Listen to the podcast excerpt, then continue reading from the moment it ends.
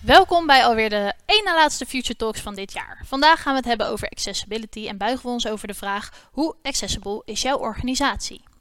Dat doe ik met mijn tafelgasten vandaag. En dat zijn er vandaag drie. Uh, ik introduceer ze heel graag. Dat zijn uh, vandaag Dennis Kreukniet. Dennis is fullstack engineer bij bol.com en als ondernemer aangesloten bij de Future Partners. Yes. Welkom Dennis. Dankjewel. Leuk dat je er bent. Dankjewel. Uh, Moussa Baysan. Moussa is UX en UI designer bij Adidas. En ook als ondernemer aangesloten bij de Future Partners. Yes. Leuk, leuk dat jij er weer bent, Moussa. Dankjewel. En dan hebben we vandaag ook een uh, speciale gast aan tafel. Dat is uh, Eveline Verwerda. zij is founder van een ongelooflijk leuke start-up. en die start-up heet Scribbit Pro. Dankjewel. Welkom Evelien. Uh, daar gaan we zo meteen nog veel meer over horen. Ik ben uh, erg benieuwd uh, wat jullie doen en uh, waar jullie bedrijf ook voor staat. Dus zo meteen nog even een intro van jou graag.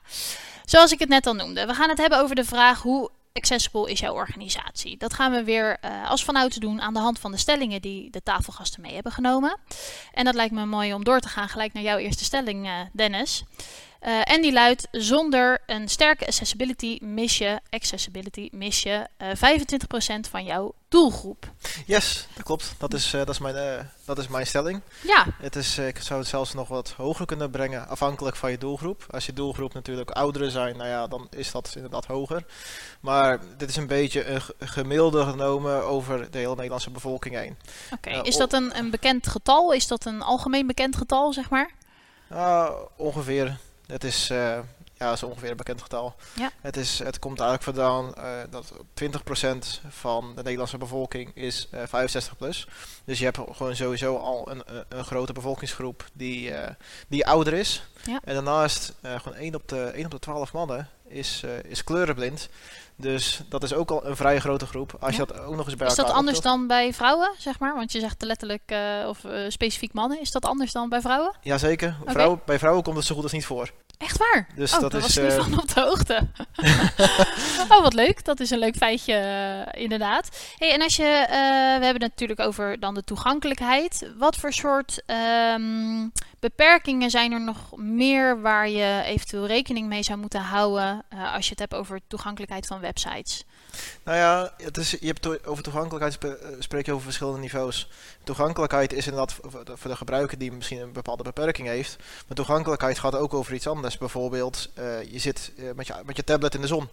Je hebt een weerspiegeling van de zon op, op het scherm. Nou ja, alles is minder goed zichtbaar. Gewoon heel simpel door, door de weerspiegeling. Als je gewoon een goede contrastkleuren gebruikt, dan, dan voorkom je er al veel van. Ja. En ja, dat is ook op dat niveau. Ja, ja, en ik kan me ook voorstellen, want eh, je- hebt natuurlijk eh, mensen die slechtziend zijn of blind zijn, mensen die slechthorend of doof zijn, maar ook mensen die misschien dyslectisch of eh, slecht geletterd, noem je dat volgens mij, hè, zijn.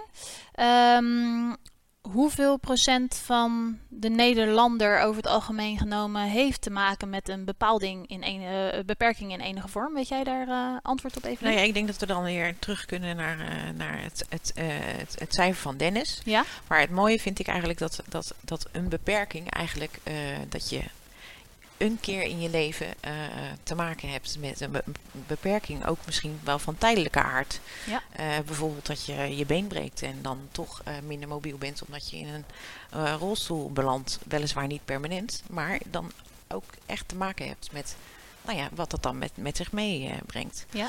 Eh, bijvoorbeeld als je je oog laat, le- laat lezen, misschien heb je een oorontsteking en hoor je even minder goed. Ik vind dat eigenlijk wel, hè, het kan ons eigenlijk allemaal eh, eh, op een moment dat je ondersteuning nodig hebt of eh, Ja. een andere vorm van toegankelijkheid. Ja, mooi dat je dat nog even aanstipt. Dus het is zeker niet ook alleen de mensen die altijd een beperking hebben. Eh, maar inderdaad ook gewoon de mensen die daar af en toe eh, eh, of tijdelijk mee te maken Ja, precies. krijgen. Ja. Eh, Moesha, ik denk in jouw werk als UX'er dat het stuk eh, eh, accessibility ook een heel groot onderdeel is van jouw werk, hè? Absoluut, het is een heel belangrijk onderdeel. En zoals net ook al werd verteld, je krijgt te maken met contrastverschillen als je bijvoorbeeld vol in de zon zit, maar ook met mensen die ehm, ja, gewoon blind zijn of slecht zien. Daar moet je ook rekening mee houden. het is een, uh, een, kleinere percentage, maar wel een heel belangrijk percentage mensen die ook een product willen gebruiken, een service gebruik willen maken. Daar moet je allemaal rekening mee houden en gewoon meenemen in heel het designproces van A tot Z. Uh, eigenlijk gewoon vanaf begin, begin af aan al.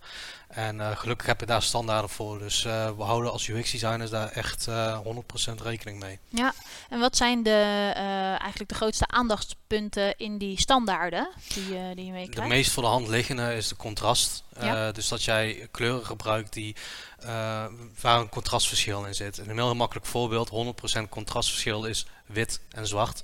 dat werkt absoluut goed. Maar gebruik jij zwart met een kleinere grijzere tint op een wit achtergrond, dan krijg je al een contrastverschil. En mensen die niet per se blind zijn of slechtziend zijn, maar gewoon überhaupt mensen die uh, moeite hebben om dat te zien, kunnen dan uh, het verschil niet zien met het doel wat ze willen bereiken. En waardoor ze dus compleet uh, ja, eigenlijk niet doen wat ze eigenlijk zouden willen doen. Ja, ja. en om dat te voorkomen heb je daar standaarden voor. En kun je de contrastverschil checken. Um, en de beste wat je kunt krijgen, tenminste in mijn vakgebied, is A, A, A.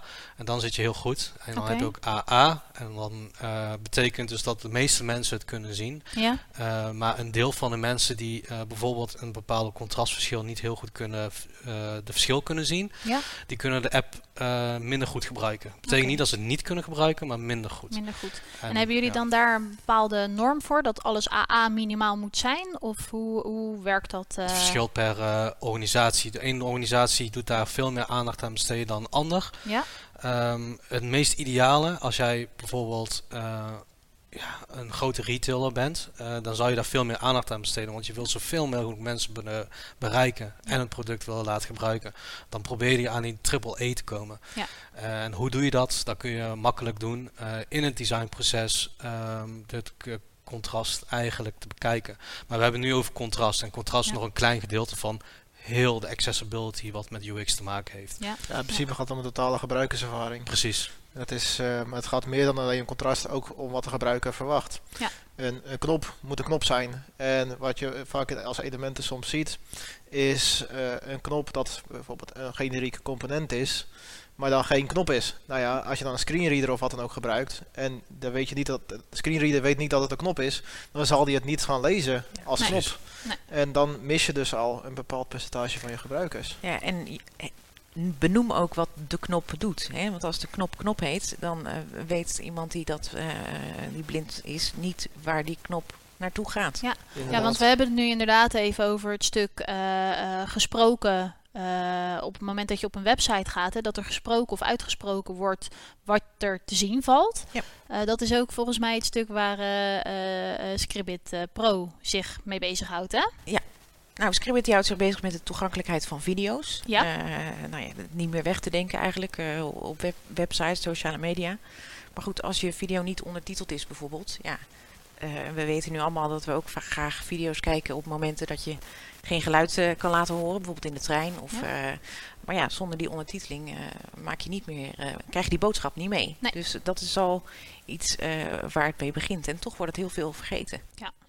Ook gewoon bij eh, niet Engelstalige of niet buitenlandse video's, maar gewoon Ja, Nederlandse gewoon taal. Nederlands, ja. Ja, ja. ja. En, eh, en dat gaat denk ik ook nog door, want eh, eh, dan heb je het inderdaad over de ondertiteling, maar er zijn juist ook mensen die de ondertiteling niet kunnen lezen. Nee, precies. Nou, wat, wat, waar wij ons eigenlijk in specialiseren is voor mensen die blind of slechtziend zijn. Dus Ja. dan voeg je een beeldbeschrijving toe, audiodescriptie heet dat. En die vertelt dan precies wat er nou ja, op momenten dat er juist niet wordt gesproken in beeld te zien is. Ja. In, in heel veel video's worden bijvoorbeeld mensen voorgesteld, keurig met, met tekst in beeld. Eh, ja, degene die, eh, die blind of slechtziend is, heeft geen idee wie er aan het spreken is. Ja, ja. Terwijl dat kan je met audiodescriptie bijvoorbeeld oplossen, maar je kan bijvoorbeeld ook mensen laten voorstellen in een filmpje. Of Ja. eh, ik, ben, ik ben de burgemeester en ik sta nu in deze straat. En dan heb je meteen de setting gecoverd. Ja. Dus er zijn eigenlijk al Wordt er een Nou beeld geschetst inderdaad precies. bij wat er, eh, wat er gebeurt. Ja. Oké, nou leuk om daar zo meteen nog wat meer eh, over eh, te horen. Dennis, eh, jij werkt nu natuurlijk bij bol.com. Nou, bol.com is een van de grotere digitale webwinkels. Dus ik kan me voorstellen dat accessibility ook voor hen enorm belangrijk is. Zeker, zeker. Hoe speelt dit onderwerp ook rol in jouw werkzaamheden? Nou ja, je houdt er sowieso rekening mee. Het, is eh, bij het, uh, bij het, start, het bij het moment vanaf, uh, vanaf het designproces. Ja.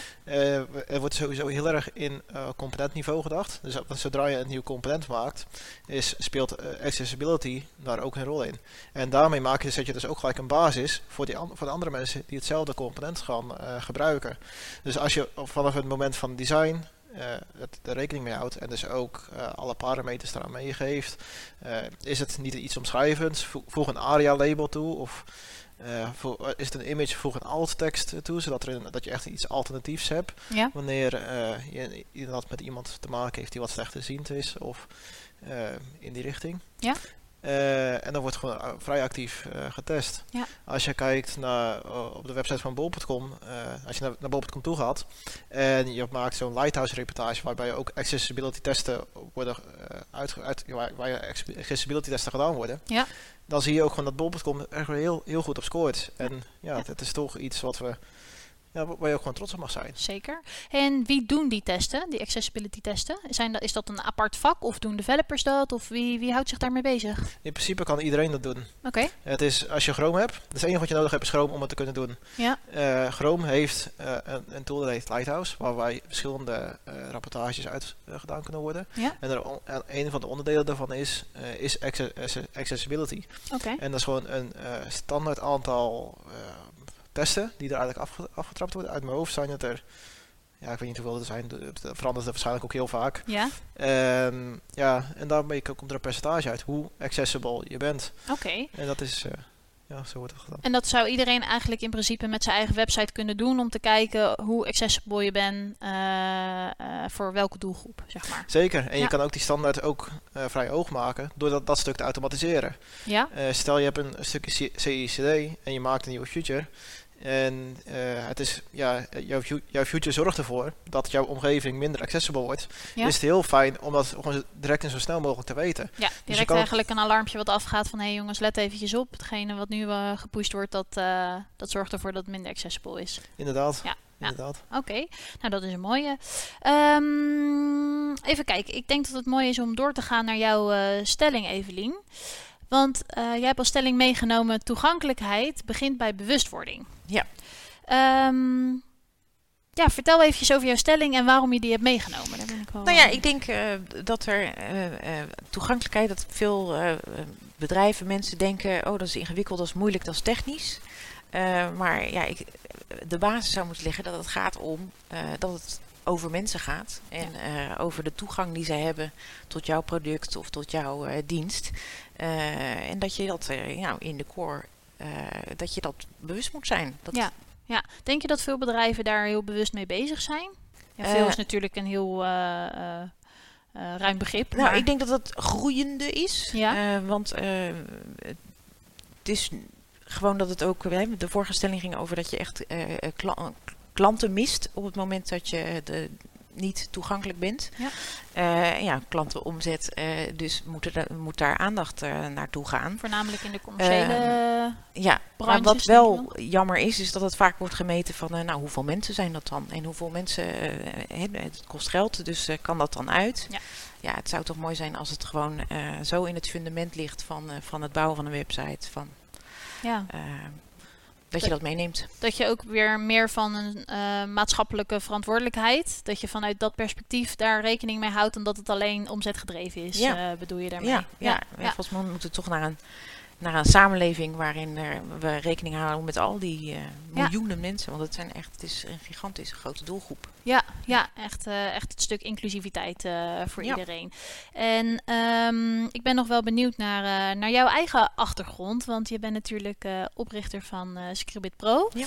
Ehm, wat is jouw drijfveer geweest om te starten met jouw organisatie? Ja, ik kom eigenlijk uit, eh, een beetje uit de bioscoopwereld. Daar heb ik eh, lang voor gewerkt. En eh, een groot project gemaakt om eh, de bioscopen te digitaliseren. En toen wilde ik eigenlijk nog iets groots aanpakken voor die, voor die wat impact had op de hele industrie. En toen dacht ik, nou, toegankelijkheid, daar kunnen de bioscopen wel een stap in maken. Ja. En toen kwam ik al heel gauw uit bij audiodescriptie. Dat is dus de beeldbeschrijving die vertelt wat er in beeld te zien is voor mensen die blind of slechtziend zijn. Zo weet je bijvoorbeeld wie wie achtervolgt, of het dag of nacht is. Nacht is. Ja. Eh, ja, allemaal elementen die gewoon in beeld worden uitgelegd. Eh, en als je dat niet weet, dat je dus altijd een beroep moet doen op je buurman of je buurvrouw van wat gebeurt er nu eigenlijk.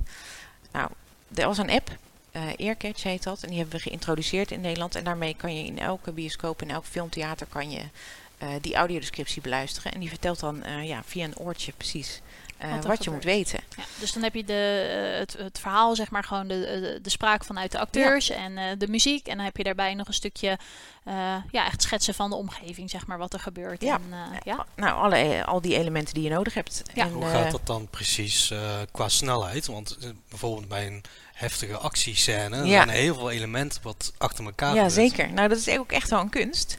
Eh, ik weet niet of er Netflix-kijkers zijn eh, onder jullie. Zeker. eh. Maar Netflix is nu een van de grootste aanbieders van audiobeschrijving. En dat kan je gewoon aanzetten waar je ook je ondertiteling vindt, zeg maar.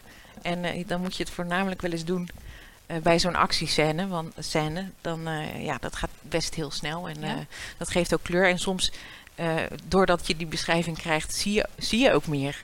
Omdat je ja, die, die ondersteuning, eh, Ja, ja. ondersteuning krijgt. ja, ik kan me is- ook wel ja. voorstellen dat het ehm, eh, inderdaad een stuk extra diepte geeft in hetgene Ja. wat je aan het kijken bent. ja, ja. Dat je inderdaad wat meer, eh, nog meer meekrijgt van, ja. van wat je ziet. Ja, leuk. Ja, het kan, ook het kan ook een uitdaging liggen van hoe, hoe, hoe maak je zoiets spannend. Want dat lijkt mij ook als je bijvoorbeeld echt een stukje van audio afhankelijk bent en je ziet het stuk niet, dat het soms misschien ook heel saai zou kunnen klinken, terwijl de intentie juist een heel een actievolle scène is. Nou ja, ze, ze, ze kiezen meestal wel eh, eh, onder. Nou, het is, de bedoeling is zo objectief mogelijk eh, te beschrijven. Maar je, met zo'n snelle scène ja, geef je er al wel een beetje kleur in, eh, in mee. Dus dat moet, wordt meestal wel Wordt voor meestal wel gekozen. gedaan. Ja. Ja. Hey, en welk stuk pakken jullie daarin op? Want jullie zei, je zei, we hebben dat geïntroduceerd in Nederland. Eh, is dat ook een hele dienst die jullie ontwikkeld hebben? Of is dat... eh, Nou ja, het is, het is een, een techniek die eh, eigenlijk in de hele wereld wordt, al vanaf de jaren 70 wordt ingezet. Maar in Nederland was het gewoon nog niet zo bekend. Nee? Ehm, dus die stap werd gemaakt voor de bioscopen. En daarna is ook de televisie, bijvoorbeeld de NPO, die heeft van allerlei aanbod als het gaat om audiodescriptie. Ja. Eh, maar ik dacht online, hoe moet dat dan online? Daar moeten we eigenlijk nog een, een goede eh, eh, oplossing voor verzinnen. En zo is Cribbit eigenlijk ontstaan. Ja, Dus eh, we hebben nu een online platform waarin iedereen zeg maar eh, audiodescriptie kan maken. oh, dat kan iedereen ook maken. Dus Ja. iedereen kan daar, het is een soort van, eh, als jij een eh, productie eh, hebt, een filmproductie, dan kan je direct ook nadenken over het audiostuk. En dan kan je dat eh, op jullie platform. Ja. Nou kan je dat op een eenvoudige manier toe, eh, toevoegen. Oh, dus eh, dan, dan typ je daadwerkelijk wat, je, wat er in beeld gebeurt. Ja? En dan eh, een, een, eh, een, een spraaksynthesizer die spreekt dan uit eh, wat je hebt getypt. Ja. En dat doe je dan precies getimed op de blokken waar, je, waar, je dat, waar extra informatie nodig is. En dan kan je verschillende stemmen, mannen, vrouwen kiezen die dat... vrouwen, andere talen. Ja, eh, oh, alles goed is mogelijk. joh. Ja. Ja, oh, super Dus interessant. stel ik ben een YouTuber en ik eh, zou een stream gaan maken, dan zou ik die platform wat jullie dus gebouwd hebben, kan Ja. ik dus gebruiken om naast de ondertiteling ook de audio. Ja, want we hebben eigenlijk een soort van one-stop shop. Hè. Je kan ook voor ondertiteling bij ons terecht, maar ook voor die audiodescriptie. Ja. En eh, nou, samen vormt dat dan een mooi transcript. Dat is dan weer een alternatieve manier om een video te kunnen waarnemen. Eh, wat ook bij die eh, toegankelijkheidsregels hoort. Ja. Dus dan, kan je, nou, dan heb je alles in één pakket. Gaaf. En is het zo dat bedrijven dat altijd zelf doen op jullie platform? Of bieden jullie die dienst ook aan om dat voor mensen te doen, ja, zeg maar? we bieden het ook aan om, Ja. om dat voor een bedrijf te doen. En eigenlijk is dat meer de praktijk. Ja.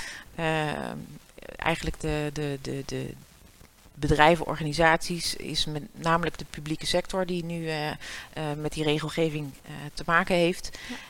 En ja, die verkiezen toch graag om dat uit, Uit te te besteden. besteden. Ja, precies. Ja, Ja. Daar andere mensen hun vakgebied op los te laten. precies. Ja, precies. Ehm, je hebt het net over de wetgeving. Dat is de WCAG. Zou je daar iets over kunnen vertellen ook? wat die wetgeving inhoudt of wat ze daarmee willen bereiken? Nou ja, dan vul me alsjeblieft aan, want ik ben echt geen expert op het. eh, Op, eh, want het, het hele stuk eh, is eh, vrij uitgebreid. Ja. Ehm, het gaat over of het waarneembaar is, want het zijn vier onderdelen: Eh, begrijpelijk, robuust. Hè, Ja. Dus dat, het ook, dat als er nieuwe versies komen van browsers, dat het nog steeds moet staan als Ja. een huis. Ja. Eh, ja, en dat allemaal weer opgesplitst in kleine onderdelen. Ja. Precies om in te vullen dat het voor al die doelgroepen eh, nou ja, eh, toegankelijk wordt. Ja, ja. Nou, mooi. Dat is wel heel gaaf. Ehm, ik ben nog wel eventjes benieuwd, want jullie richten hier nu natuurlijk op de uh, blinde of slechtziende mensen? Of... Nou ja, eigenlijk dus alle, alle dus, uh, doelgroepen mensen die doof en slechthorend zijn, ja. blind of slechtziend zijn. Ja. die kunnen wij bedienen. Die kunnen jullie allemaal bedienen. Ja, oké. nou, dat is mooi. En is er nog voor, voor, de toekomst, hoe, waar ligt jullie groeipotentie, zeg maar? Is dat... Nou ja, de, de, we zijn nu ook uh, bezig met uh, experimenten om ook gebaren, een gebarenvertaling van video aan te kunnen bieden. Ja. Maar dat moet dan in een aparte player, zodat je kan wisselen van, uh, van video, een video met en zonder. Dus als je het nodig hebt, zet je het aan. Ja. En als je het niet nodig hebt, dan. maar goed, bijvoorbeeld YouTube biedt zo'n mogelijkheid van dat wisselen nog niet aan. Dus daar zijn we nu mee aan het experimenteren. Oké. Okay. met gebaren, er komt ook nog andere uitdagingen bij kijken. Ik bedoel, gebaren is het lijkt internationaal, maar het is totaal niet internationaal. Nee, nee, nee, zeker niet. Nee. Nee, nee, nee. Dus uh, de, voor het Nederlands is er gebarentaal. En uh, nou ja, ik geloof ja. dat het zelfs officieel. Dus als je dan straks een meertalige tutorial hebt, waar je subtitles zou je ook ja. andere gebarentaal bij moet. Ja, want je kan, eh, nou ja, de player die wij aanbieden is dat je kan wisselen van verschillende audiosporen, maar ook van, van, van verschillende videosporen. Dus in, in principe is dat oneindig. Ja, ja. ja. ja mooi, uitgebreid. Nou, heel gaaf. Um, ik denk dat het uh, uh, nou, nog wel even goed is om uh, door te gaan op het stukje bewustwording hè, van jouw stelling. Um, bij wie zou de grootste verantwoordelijkheid liggen volgens jou op het, om mensen bewust te maken van dit, dit stuk? Ligt dat bij de overheid? Ligt dat bij bedrijven? Ligt dat bij de doelgroep zelf? Nou, dat lijkt me misschien wat lastig, maar... Nou, ik denk dat die ook zeker wel, uh, dat de doelgroep zelf ook wel uh, een bijdrage daaraan kan leveren. Want ik denk dat er niks beter uh, aan de bewustwording helpt, is een ervaringsverhaal. Ja. He, dus of je laat mensen die maken en bouwen zelf ervaren hoe, hoe het is. Of je, laat, je toont wat er gebeurt met iemand die een website bezoekt en niet uh, op die plekken terecht kan, ja. waar die wel terecht wil komen. Ja. Uh, en je ziet ook, uh, ik, als ik de respons krijg, dat je als je niet toegankelijk bent, dan ben je je klant kwijt. Ze gaan meteen weg. Ze komen ook niet meer terug. Nee. dus je moet het wel goed doen. Maar ik denk dat er bij, bij alle factoren wel iets te winnen valt. Ik weet bijvoorbeeld, in sommige landen is er ook wetgeving voor dat, dat je omgeving minstens zo accessible moet zijn. Ik weet in de Verenigde Staten, in bepaalde staten is het zo, in het Verenigd Koninkrijk is het zo. Maar ja, vanaf de gebruiker dat is ook een rol om het aan te geven. Uh, vanaf de organisatie, de organisatie ja, moet, moet er ook een bewustwording van zijn, anders dan doen ze er ook niks mee. Ja, nee. Maar het is wel vervelend dat natuurlijk eigenlijk, uh, uh, wat je natuurlijk in Amerika veel ziet, is dat er gelijk aangeklaagd wordt op een moment dat er niet uh, ja. toegankelijkheid ja, is. Klopt. Dat is in Nederland natuurlijk veel minder. Dus ik kan me voorstellen dat je dan, als dat het idee is, of als dat is wat er gebeurt, dat je ook veel sneller daaraan zal willen gaan voldoen. Um, nou, het, het, zou, handhaving zou wel echt een stok achter de deur zijn. Uh, ja, want er is nu nog totaal geen uh, handhaving op de wetgeving die eigenlijk in 2018 uh, is ingegaan, als nee. ik goed heb? Nee, nee. oké. Okay. En is er een idee wanneer daar wel op gehandhaafd gaat worden? Wordt er, is daar iets over bekend? Nou ja, wat ik altijd heb begrepen is dat er in de afgelopen jaren politiek ook geen draagvlak is om meteen te starten met, uh, met handhaving. Ze willen eerst graag zien hoe zoiets ontwikkelt. Ja. Um, maar hopelijk komt dat wel. Want ja. uh, ik krijg ook soms letterlijk wel eens uh, vragen van wat gebeurt er als ik het niet doe? Ja. En dan ja. ben je toch totaal het menselijke en dan ben je regeltjes aan het afvinken, maar dan ben je het menselijke perspectief dus helemaal kwijt. Ja, ja qua drijfveer zit je dan denk ik niet helemaal, op het goede kant. stuk. Ja. Nee, nou, nee. Wat je wel ziet is dat de AI van bijvoorbeeld een Google, die helpt daar wel heel erg in om daar wat meer bewustwording in te geven. Een website, uh, als we een simpel voorbeeld pakken, een website moet accessible zijn. En uh, die Lighthouse is een onderdeel waar Google Search Ranking rekening mee houdt. Het is niet een heel belangrijk deel, maar het heeft wel invloed op je ranking binnen de search engine. Oké. Okay. Uh, dat houdt in, als jij dus je um, afbeeldingen uploadt op je website en je doet daar geen alternatieve tekst bij zetten, zoals een, een speech kan uh, voorkomen. Als je dat niet doet, dan ziet Google dat als een minpunt voor jouw website. Okay. En als er websites zijn die het wel doen, dan loop je achter. Ja. Dus dat zorgt er wel voor dat een, een eventueel stok achter de deur is. Ja. Anders zou er waarschijnlijk niet heel veel rekening mee worden gehouden. En ik vind dat wel een kwalijke zaak. Ja, ja. ja en ik kan me voorstellen bij uh, inderdaad bedrijven als Adidas die daar wel flink mee bezig zijn, dat, uh, ja, dat ze dat heel graag willen. Maar misschien de wat kleinere ondernemers die daar niet heel veel over nadenken, dat het ook lastiger is om uh, daar tijd. tijd, ja, tijd en geld aan, ja. aan te besteden.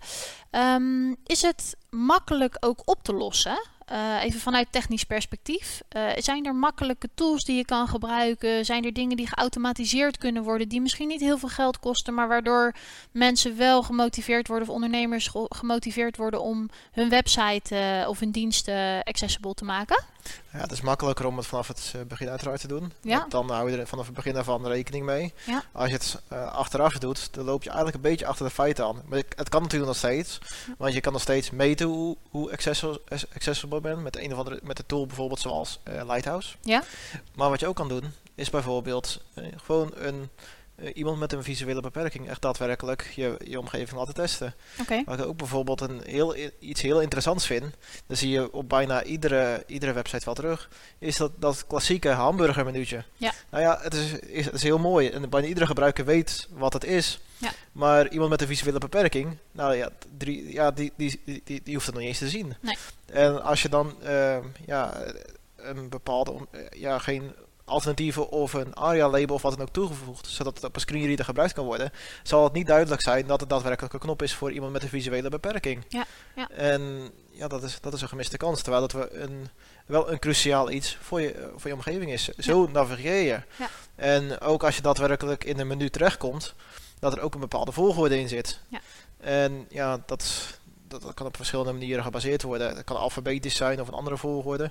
Maar in ieder geval iets wat een gebruiker logisch vindt. Ja. En ook dat zou getest kunnen worden met een, met een gebruikerstest. Ja. Zijn er ook bijvoorbeeld testpanels die zich dan aan kan me voorstellen die, dat die zich aanbieden als zeg maar tester van een website? Is daar iets over uh, bekend? Ja, ja, er zijn uh, genoeg bedrijven die zich daarin specialiseren. Ja. Ook op uh, gewoon algemeen op testen. Ja. Daar ook aandacht aan besteden. Ja. Um, ja, je hebt daar bepaalde pakketten voor. En vaak wordt er zelfs meegenomen in een screening. Ja.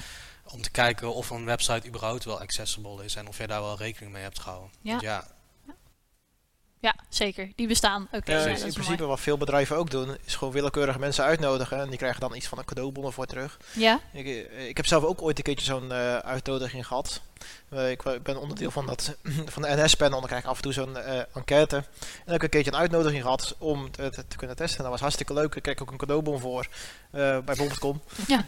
fijn. mooi is de cirkel weer rond Ja, is de inderdaad. nou, weer mooi. rond. Ja. Cirkel ik hem even door naar jouw stelling, eh Moussa. Ja. Want dat is er ook één die we nog eh, moeten behandelen. En eh, een stukje hebben we het al over gehad. Jouw stelling luidt: een eh, niet toegankelijk digitaal platform leidt tot omzetverlies en negatieve publiciteit.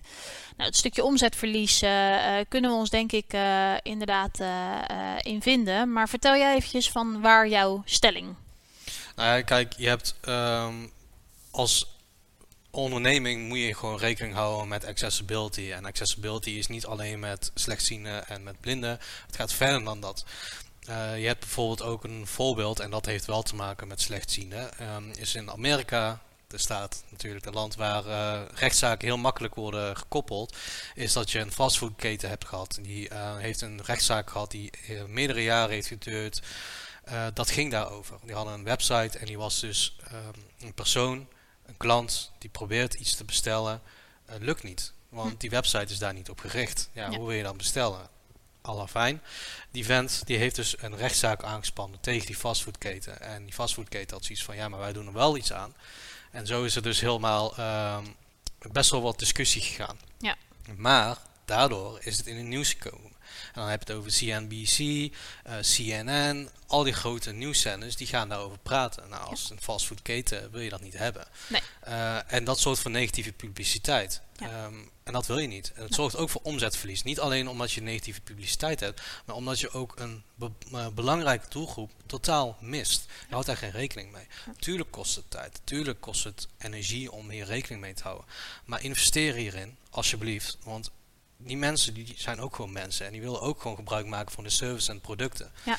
Ehm, ja, ik vind het gewoon eh, ja, eigenlijk van zotte dat heel veel bedrijven het niet doen. En ik snap het commerciële op oogpunt wel. Ja. Maar ja, het is gewoon jammer. Om te Eigenlijk zien. is het commercieel ook helemaal niet handig, want je zou zomaar een vierde meer eh, omzet kunnen genereren, Ja. eh, omdat je Ja. het wel zou doen. Ja. Ja. Zijn er ook bedrijven die juist onwijs bekend staan als frontrunner op dit stuk? Ja, wat ik een heel mooi voorbeeld vind, is eh, nog steeds Google. Ja, Met, eh, met dat Google Nest Audio. Nou, het, is, het is prachtig hoe, hoe je dan eh, op, een, op een audio-visuele manier kan communiceren met, met Google eigenlijk. Weet je. je kan vragen hoe lang is het rijden ergens heen. Of je, je, je kan zelfs een pizza bestellen op die manier. Ja. Je kan je lichten aan en uit doen. En ja, in principe, je hebt geen de echte UI. De UI is je, is je stem en ook de stem waar je terugkrijgt. Dus ik vind dat echt een, geweldige innovatie voor mensen met, eh, met een visuele beperking. Apple is daar ook een, eh, een grondlegger in geweest. Want die heeft met de smartphone, zoals de iPhone, stond gewoon bekend dat een normale mens daar gewoon ineens konden telefoneren, ineens konden bellen. Ja. Maar ook een heel belangrijk punt is dat het ook een ehm, text-to-speech functionaliteit had in die app. Ja. En dat was voor die mensen die slechtziend zijn en, en gewoon echt een uitkomst. Ja. Want dat was er niet. Android eh, is daar later mee gekomen en die techniek was Apple echt ver vooruit meegegaan. En ook met accessibility, als bijvoorbeeld eh, vroeger was met Apple, dat je aan-uitknop gebruikte. En had je een symbool wat je kon aanzetten via de settings. En dan kun je heel je telefoon besturen met één ehm, rondje dat op je scherm bleef. Dus als jouw scherm kapot was, dan kon je toch je telefoon gebruiken. En dat is Ja. Apple echt wel vooruitstrevend in. Ja, ja. op accessibility gebied, ook Ja. nu nog. Heb jij bedrijven, Evelien, waar je naar kijkt? Ook eigenlijk om, eh, eh, misschien vanuit het buitenland, die ook een soort voorbeeldfunctie hebben? Of Ehm,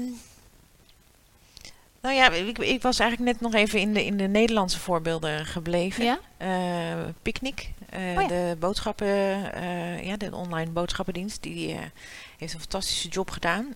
En die heeft dan ook dus een, nou, dat stuk van de taart voor mensen die blind of slechtziend zijn, eh, ja, toegeëigend. Want Ja. die doet het gewoon eh, ontzettend goed. ja, en hoe hebben ze dat gedaan? Kun je dat een beetje omschrijven? hoe dat nou is ja, ik heb een mooi interview met, eh, met, met hen gehouden. En dat is een bevlogen developer geweest. Die heeft Ja. gezegd, wij gaan dit goed doen. We gaan dit aanpakken. En toen stond het er. Oh, wat gaaf. Ja. En is dat dan inderdaad gewoon een goede omschrijving bijgevoegd bij alle producten?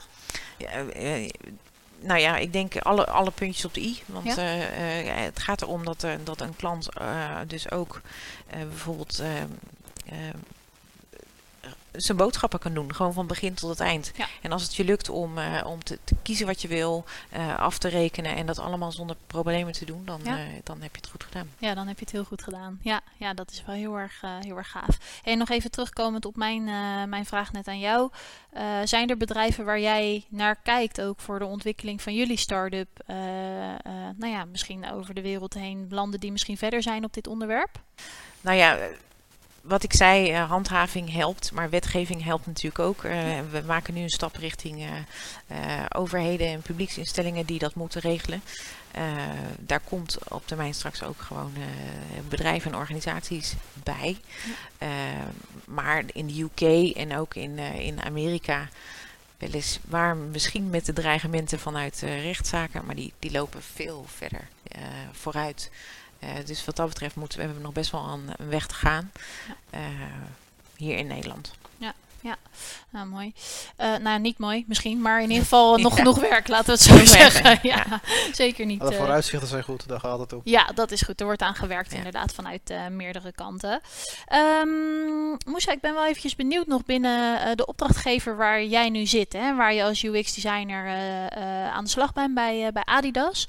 Ehm, waar ligt nou van, gewoon om beeld te krijgen, in zo'n organisatie de verantwoordelijkheid eh, over dit stuk? Wordt dat in de teams belegd of is daar een apart eh, team voor die zich echt bezighoudt met dit, eh, met dit onderwerp? Ehm, eigenlijk wordt dat gewoon vanaf de UX-designer zelf ook wel eh, meegenomen in het designproces. Ja. Maar ook vanuit de hogere posities van de senioren en dergelijke wordt er ook naartoe gekeken. Je hebt een bepaalde checklist wat gewoon afgecheckt wordt en Ja. voldoet het aan die eisen. En in die eisen zit accessibility ook in. Eh wordt dus ook echt gewoon heel erg rekening mee gehouden. Voldoet het er niet aan, dan moeten we toch even eh, een stap terugnemen. Ja. Weer opnieuw gaan schetsen en testen en dergelijke. Eh, dus er wordt van meerdere kanten rekening mee gehouden. Ja, ja, nou gaaf. Hey, we begonnen deze eh, uitzending natuurlijk met de vraag hoe accessible ben jij als bedrijf?